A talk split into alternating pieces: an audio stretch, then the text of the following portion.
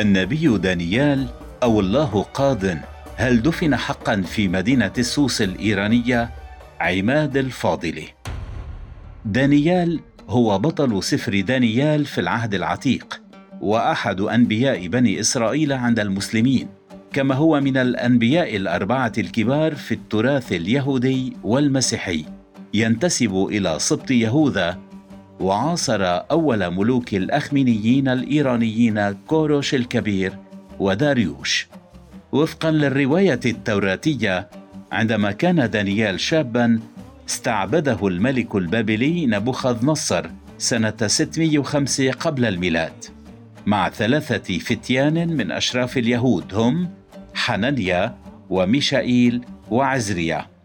وأخذهم إلى بابل العراق فتعلموا لغة الكلدانيين ورشحوا للخدمة في القصر الملكي حيث تعلم دانيال وبرز بسرعة ووهبه الله علم تفسير الأحلام لإظهار علمه وحكمته.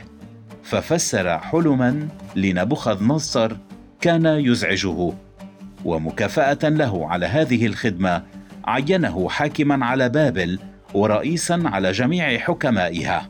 وبذلك أصبح شخصية بارزة في بلاط بابل. اسم دانيال مزيج من كلمتين عبريتين هما دان أي قاض وآل التي تعني الله ويعني الاسم الله قاض. يحظى النبي دانيال باهتمام خاص في سفر دانيال وفي الكتاب المقدس بسبب استقامته وحكمته وثباته على الإيمان بإله إسرائيل. كما يصفه النبي عيسى باحترام في الأناجيل الأربعة ويذكر تحقيق نبؤاته بواسطة الله. سفر دانيال. يبدأ سفر دانيال بقصة حياة دانيال الذي تم أسره بعد الهجوم البابلي على يهوذا الذي حدث في السنة الثالثة من فترة حكم يهويقيم ملك يهوذا. ونقل إلى أرض بابل في العراق اليوم على يد الملك البابلي نبوخذ نصر الثاني. وفي السفر هذا كان دانيال أحد أمراء اليهود وله أصول عريقة وملكية.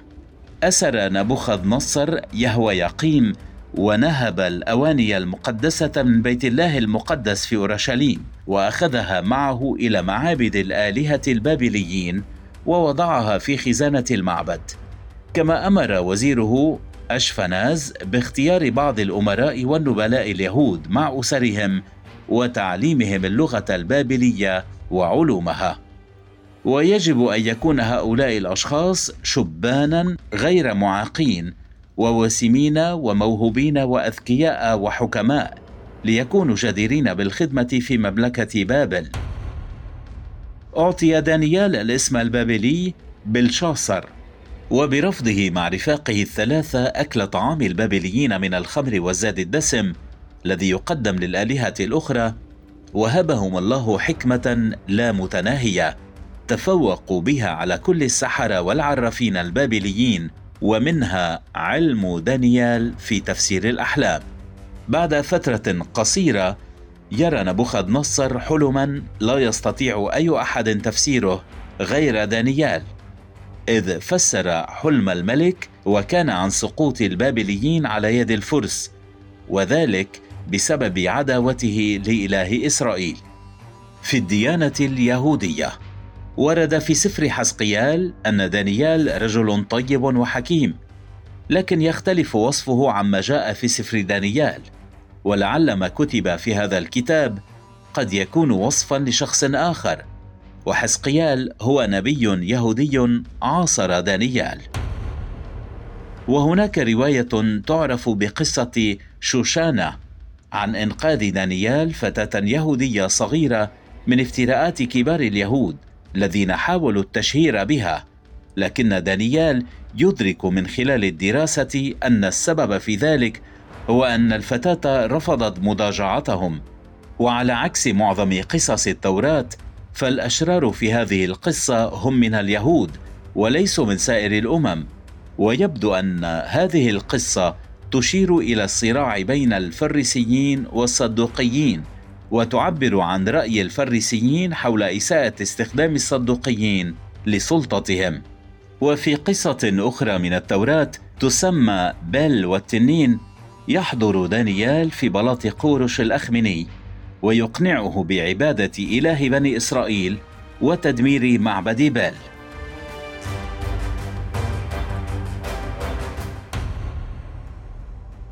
دانيال لدى المسيحيين. وذكر دانيال في العهد الجديد في إنجيل متى في الفصل 24 إذ يقول يسوع المسيح للرسل عن تنبؤات دانيال فمتى نظرتم رجسة الخراب التي قال عنها دانيال النبي قائمة في المكان المقدس ليفهم القارئ فحينئذ ليهرب الذين في اليهودية إلى الجبال. إنجيل متى الفصل 24 الآيات 15 و 16 وهذا الكلام يتكرر في إنجيلي لوقا ومرقس دون ذكر اسم دانيال. حيث يذكر في جميع فروع المسيحية باعتباره نبيا مهما وله رؤى مهمة كثيرة مذكورة.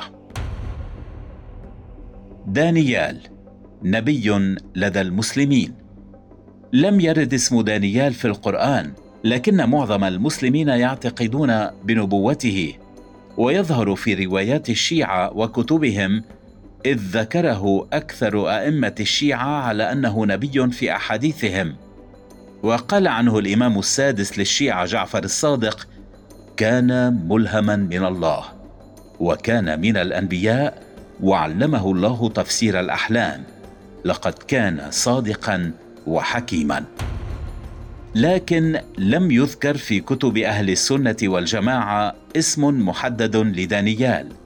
غير أن اسمه ورد في كتاب إسرائيليات ويشير أئمة الشيعة إلى دانيال باعتباره أحد الأنبياء في حالات مختلفة. وورد اسم دانيال في جميع إصدارات كتاب قصص الأنبياء.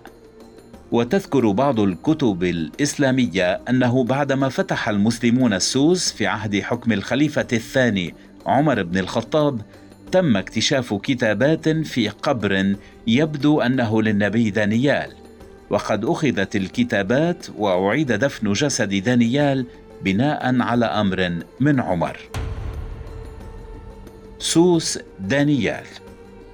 الفترة الزمنية التي عايشها هذا النبي غير معروفة، ولكن يعتقد أنه كان على قيد الحياة حتى السنة الثالثة من حياة الملك الأخمني كوروش، وربما كان عمره في تلك الفترة نحو مئة عام، بما أنه كان لا يزال مراهقا وقت سقوط بابل على يد الأخمينيين.